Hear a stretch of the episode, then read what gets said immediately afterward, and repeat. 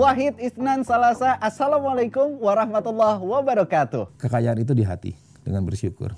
Tapi kalau kita masih ada keinginan kayak misalkan kan kita punya punya bayangan gitu kan ya. Itu itu nggak apa-apa kan? Boleh. Pengen punya mobil bagus. Itu salah satu kebahagiaan. Mobil bagus, rumah bagus, rumah lapang, istri dua, tiga, empat. Nah. Kan itu kebahagiaan semua. Boleh, karena untuk Islam. Kalau tujuannya akhirat untuk apa dulu nih? Eh. Mobil kita bagus, iya. Tapi buat ngantar ustadz, buat pergi ke kajian, Oke. boleh kok. Nah, pada saat menjadi mualaf itu sebenarnya apa sih yang Kohani harapkan awalnya? Kebahagiaan. Hanya kebahagiaan. Kebahagiaan, keselamatan dunia akhirat. Oke. Ya karena ternyata saya salah salah salah pemikiran selama ini. Begitu baca Al-Qur'an, begitu tanya kiri kanan, bahkan saya baca Bible saya sendiri, saya salah selama ini. Hmm. Karena tidak mencari, karena ditelan mentah-mentah. Contoh nih, ada dulu orang bilang, hati-hati sama orang Arab tuh. Tukang kawin pokoknya. Wah, kalau lihat orang, lihat orang Arab tukang kawin, padahal nggak semua Arab seperti itu. Habib istri satu. Hmm. Habib istri satu, banyak Habib-Habib teman saya, Habib Anis, istrinya satu. Banyak Habib-Habib yang gar kalau di podium. Jadi kucing tapi kalau di rumah. Anis. Loh, Banyak teman-teman saya seperti itu. Ternyata enggak, enggak semua tukang kawin. Karena nikah itu Hmm. Nggak mudah. Poligami itu nggak mudah. Betul. Bahkan hanya Islam lah satu-satunya agama di muka bumi yang menyuruh kita nikah sekali. Hmm. Anisa ayat 3. Hmm. Terakhirnya apa? Nikahi satu saja. Disuruh gitu bahkan. Satu saja. Kalau nggak bisa adil. Gitu. Dengar. Dengar. Satu di sini, satu di sana. Satu kan. Dilanjutin lagi sama kawan. Satu di sini, satu di sana. Cocok. Apa sih yang dirasa sama Kohani sampai saat ini masih belum dicapai gitu loh? Ada nggak Kejayaan Islam. kejayaan Islam? Berarti ini pikirannya udah luas, udah untuk umat semua ya? Sejak masuk Islam, air mata saya sampai kering hari ini. Saya udah nggak bisa nangis lagi. Betapa kita mayoritas di Indonesia, jutaan umat Muslim dihinakan Hmm. di Indonesia. Ketika Rasul dihina, ketika Allah dihina, ketika ulama difitnah, Hmm. dicela, kita nggak bisa apa-apa. Oke. Ada berapa banyak? Saya nggak sebut nama, Hmm. tapi kita tahu siapa-siapa mereka yang terang-terangan menista Islam, Iya. terang-terangan menghina Rasul. Dan orangnya di Indonesia ada, bukan akun palsu, nggak pernah ditangkap saya sampai bosan lapor polisi, Hmm. Tapi Kohani melaporkan ke polisi. melapor sampai capek. Oke. Saksi ada, gitu. tapi nggak diproses. Hmm. Jadi yang saya bilang belum selesai kejayaan Islam. Tapi Islam akan jaya dan itu janjinya Allah. Tugas kita bukan sukses tapi ikhtiar. Hmm. Dan pertolongan kita dalam salat dan doa. Oke. Jadi Jadi ujian kesabaran juga buat kita. sebagai Muslim itu kita wajib untuk berjuang ya. Berarti Wajib. Hukumnya kita wajib untuk berjuang, Wajib. memperjuangkan kejayaan Islam. Iya. Walaupun udah dijanjikan akan jaya, tapi kita sekarang harus harus mengikuti gitu. Jadi sebaik-baik jihad adalah meninggikan kalimatullah, kalimat Allah. Hmm. Gitu. Bukan jihad dengan tanrin, bukan ngebom, bukan. Tapi Hmm. meninggikan kalimat Allah. Di antaranya menjiarkan Islam. Begitu nanti lihat ada videonya ketika semua orang mengucapkan asyhadu Allah ilaha illallah asyhadu Muhammad Rasulullah nangis dia. Hmm. Itu kalimat Allah sedang ditinggikan. Oke. Nah, ini seru banget teman-teman Insight ya ngobrol barengan sama Kohani ini. Tapi di sini saya juga mau ngingetin buat teman-teman untuk selalu menjaga protokol kesehatannya. Supaya apa? Supaya kita nggak tertular oleh COVID-19 dan juga kita bisa mencegah diri kita. Karena mencegah lebih baik daripada mengobati. Jangan lupa untuk melakukan 3M. Yang pertama adalah memakai masker, kedua menjaga jarak, Ketiga adalah menghindari kerumunan dan mencuci tangan dengan air yang mengalir serta menggunakan sabun. Makanya yuk kita lindungi diri sendiri dan juga orang-orang yang kita sayangi, perkuat iman dan perkuat imun supaya selalu aman. Amin ya robbal alamin. Cakep. Kita lanjut lagi ngobrol-ngobrol sama Kohani ya. Jadi kan eh, Kohani ini kan bisa dibilang sebagai founder kan untuk Ikhlas Foundation ya. Ya. Nah, ini ini Ikhlas Foundation itu tuh sebenarnya apa sih kok? Ikhlas Foundation itu sebenarnya adalah sikap hati tadinya. Hmm.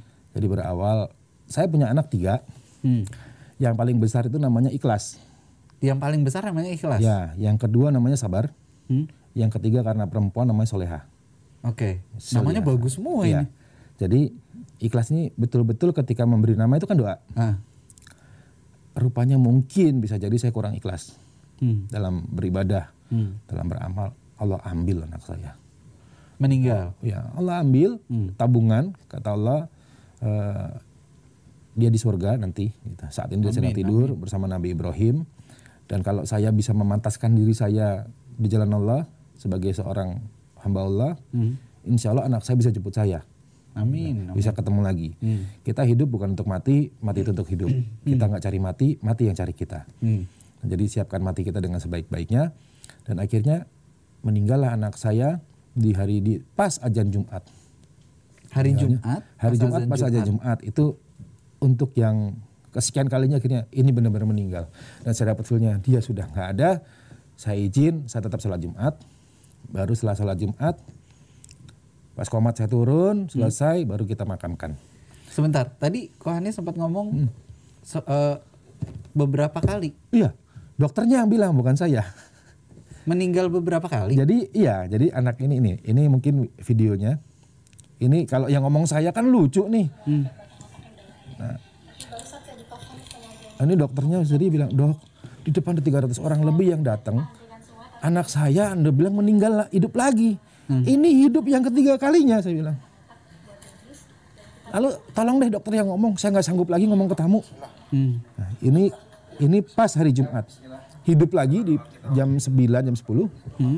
Nah, jadi saksinya banyak, ratusan di Darmais. Selasa itu meninggal, Hmm. Kamis itu meninggal. Hidup lagi. Hmm. Udah datang semua waktu itu lagi Lombok sama Palu. Jadi tim saya datang dari Palu, dari Lombok datang pulang ke Darmais Oke. dari luar kota. Hari Jumat Hmm. hidup lagi ya dok. Saya bilang ya Allah kalau memang hidup ya hidupkan gitu. Kalau enggak kita bingung kan gitu. Hmm. Kira betul-betul Allah pas ajan. Allah Akbar Allah. Nol. Hati saya betul-betul ada yang lepas dari diri saya. Saya tahu ada yang lepas dari setengah jiwa saya itu ada yang keluar. Hmm. Ini udah nggak ada. Akhirnya nah itu saya belajar ikhlas. Oke. Ternyata ikhlas itu seperti itu. Banyak kita ngira kita kira kita udah ikhlas ternyata belum. Oke. Ikhlas itu adalah ikhlas akhirnya saya bikin oke saya bikin yayasan. Karena apa? Karena mualaf center kan akadnya untuk mualaf. Hmm. Lalu bagaimana dengan saudara-saudara saya yang bukan mualaf? Hmm. Kalau antum nyumbang ke mualaf center, saya nyumbang ya 100 ribu. misalnya. Iya. Itu akadnya buat mualaf. Oke. Karena namanya mualaf center. Lalu ya adalah kita bikin ikhlas foundation. Hmm. Ikhlas foundation ini adalah yang dinamakan ikhlas adalah hanya berharap kepada Allah, ber- melakukan sesuatu untuk Allah, berharap untuk Allah dan tidak butuh manfaat dari itu. Hmm. Mau ada terima kasih, mau enggak. Setelah kita bantu pun mau panggil saya monyet terserah. Hmm. Karena Allah saya adalah sebaik-baik pembalas. Jadi Ikhlas Foundation ini tujuannya buat siapa pun, Siapa pun. agama apa pun. Termasuk non-muslim banyak yang sembuh dan terima obat kita. Oke. Dan ini diambil dari nama anak. Enggak, sebenarnya nama dia karena ikhlas. Ah. Saya bukan nama anak, tapi Allah ajarkan keikhlasan di sini. Oke. Jadi namanya akhirnya Ikhlas Foundation. Juga pas dengan dan itu saya dapat hikmahnya saya dapat ketika anak saya meninggal. Hmm. Dan anak, nama anak saya ikhlas berarti Allah suruh saya belajar ikhlas. Allah suruh kita ikhlaskan ibadah kita, amal kita dan semuanya. Hmm. Segala sesuatu yang ikhlas itu tidak akan sakit hati, nggak akan baper. Oke. Lega ya Lega, bawaannya ya. apa aja mau diapain terserah. Gitu. Nah, itu pada saat eh, almarhum dipanggil sama Allah. Berapa lama prosesnya sampai Kohani sendiri bisa merasakan, oh ini saya harus benar-benar ikhlas gitu. Sampai akhirnya menemukan titik bahwa Jauh ikhlas. sebelum dia meninggal. Justru jauh sebelumnya. Enam bulan saya setiap hari kan di rumah sakit di Ah. Dermais. Setiap bulan kan saya lihat setiap hari saya lihat orang meninggal. Oke. Dan kebetulan saya di lantai 4, lantai 4 itu ruang anak. Hmm. Jadi walaupun bukan muslim, surga tempatnya yang meninggal di sana. Anak kecil semua. Iya. Dan setiap hari saya lihat orang meninggal banyak sekali. Hmm. Anak-anak meninggal, bahkan yang lain meninggal. Nah di situlah saya belajar ikhlas. Oke. Gitu, ketika dikasih tahu anak kohani, sama dengan murabi. Murabi saya itu Arvin Ilham. Hmm. Beliau adalah guru saya yang banyak mengajarkan keikhlasan dan kesabaran ke saya. Sakitnya bareng. Sama-sama sakitnya kelenjar getah bening. Oke. Limfoma malignum. Anak saya duluan dipanggil baru murabi. Hmm. Itu belajar ikhlas di situ. Oke.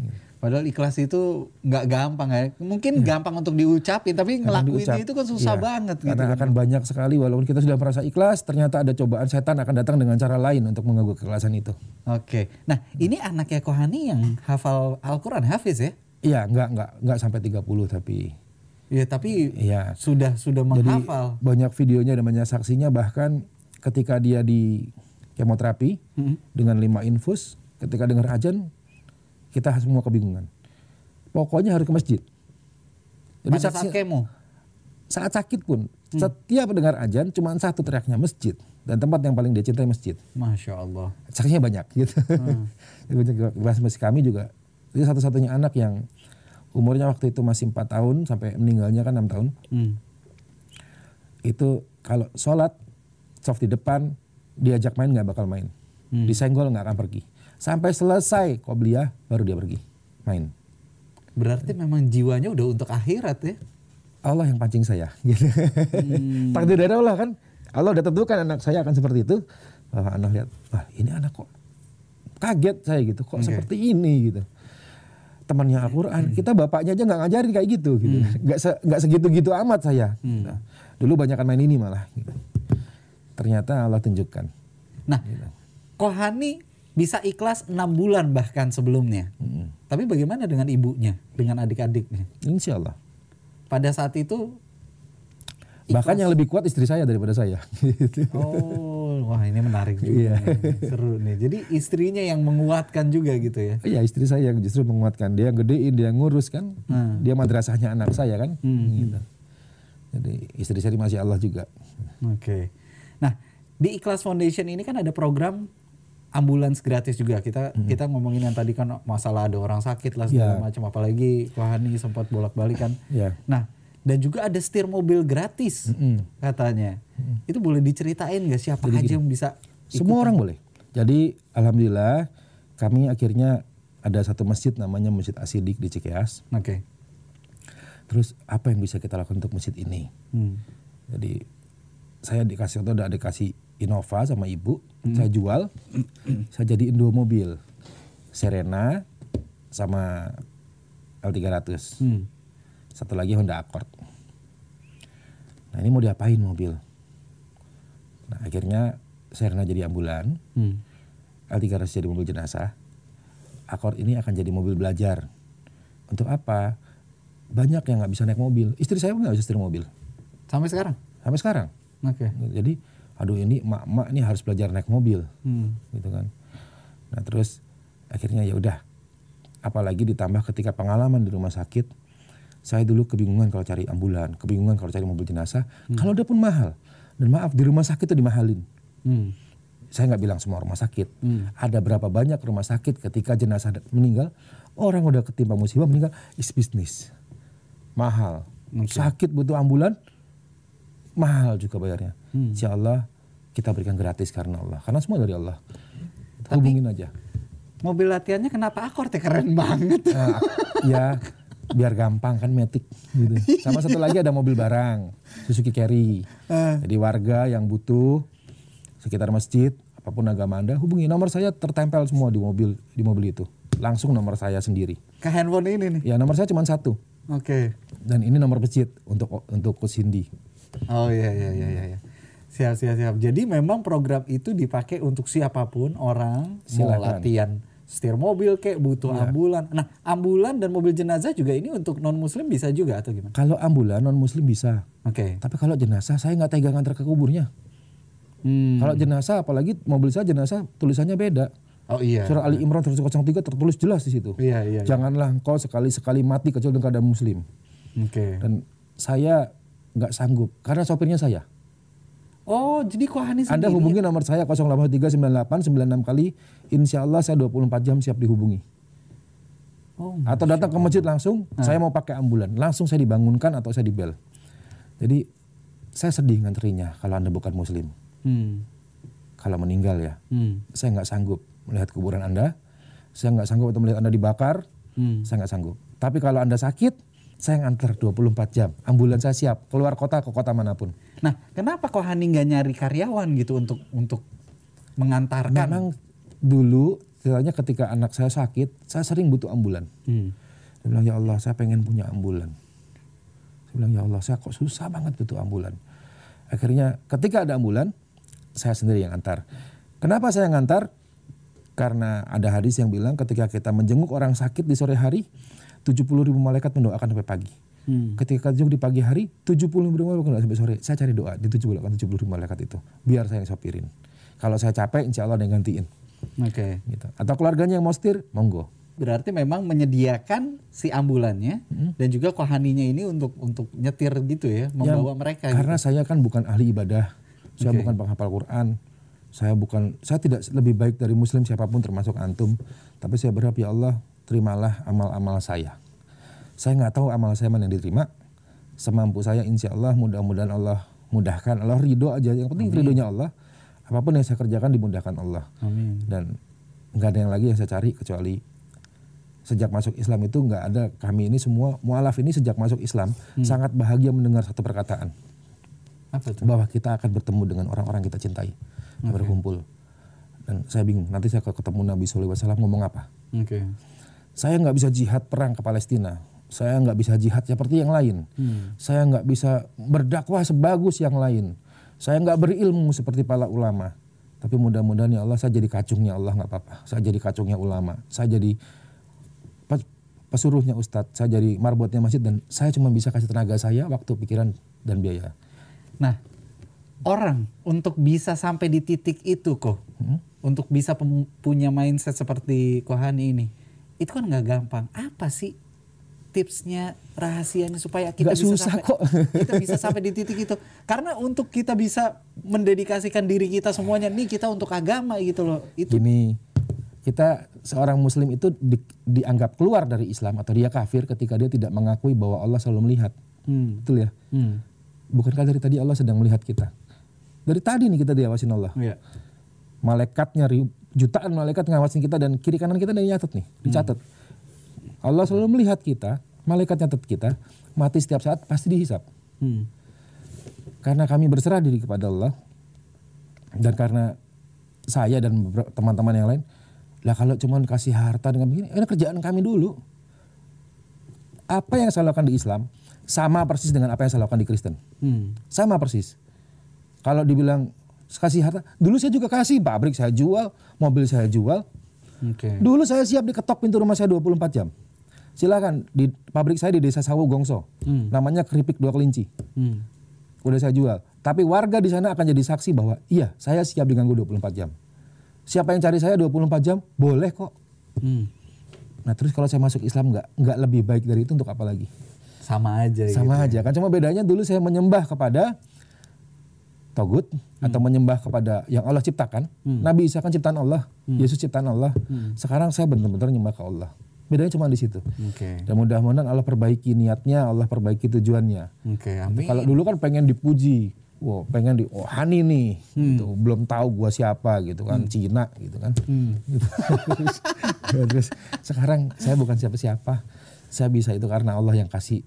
Jadi kalau kita bisa berbuat sesuatu, jangan kita merasa berjasa. Hmm. Kita bisa melakukan sesuatu itu hanya karena Allah kasih kesempatan dan amanah. Oke. Kalau Allah nggak ridho, tadi di jalan mati saya nggak sampai sini. Hmm, benar.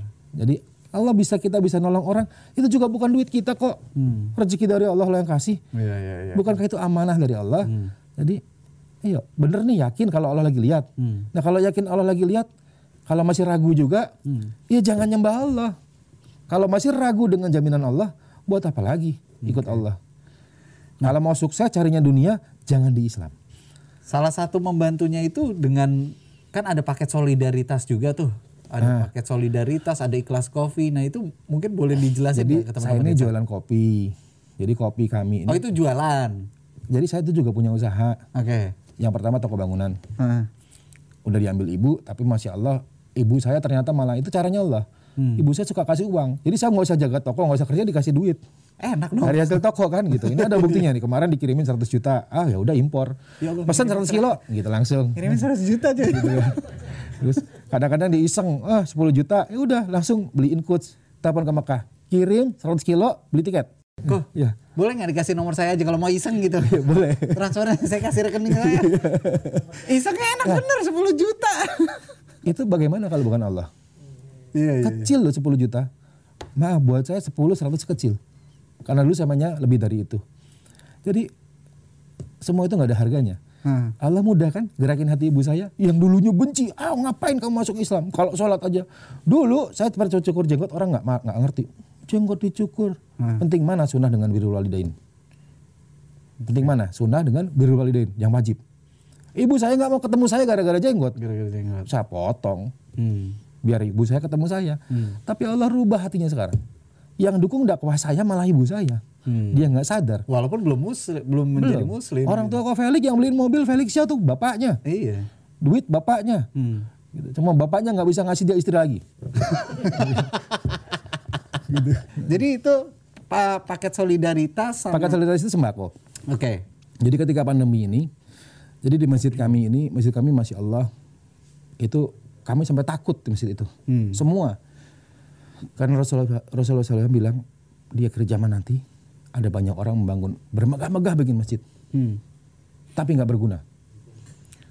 Dan saya menemukan banyak korupsi di masjid. Hmm. Di Polres Bogor ada masjid yang lagi diperiksa, Hmm. nggak kelar-kelar. Kalau satu dua miliar iya, puluhan miliar korupsinya. Waduh, masjid nih Masjid. dikorupsi. Nah, yang salah kan orangnya. Iya. Terus jangan sampai nauzubillah jalik ini terjadi. Bukan cuma di masjid, di gereja juga begitu. Google aja. Hmm. Saya nggak sebut nama gerejanya ya. Iya. Tapi Google pendeta korupsi. Kalau kita cuma M, dia T. Yang namanya Hani Krisnanto tuh udah nggak butuh kaya. Hmm. Saya nggak pengen kaya. Demi Allah saya nggak pengen kaya. Anak saya, istri saya udah nggak pengen kaya. Hmm. Tapi ki- kita ingin bahagia. Talata Ithnan Wahid. Wassalamualaikum warahmatullahi wabarakatuh.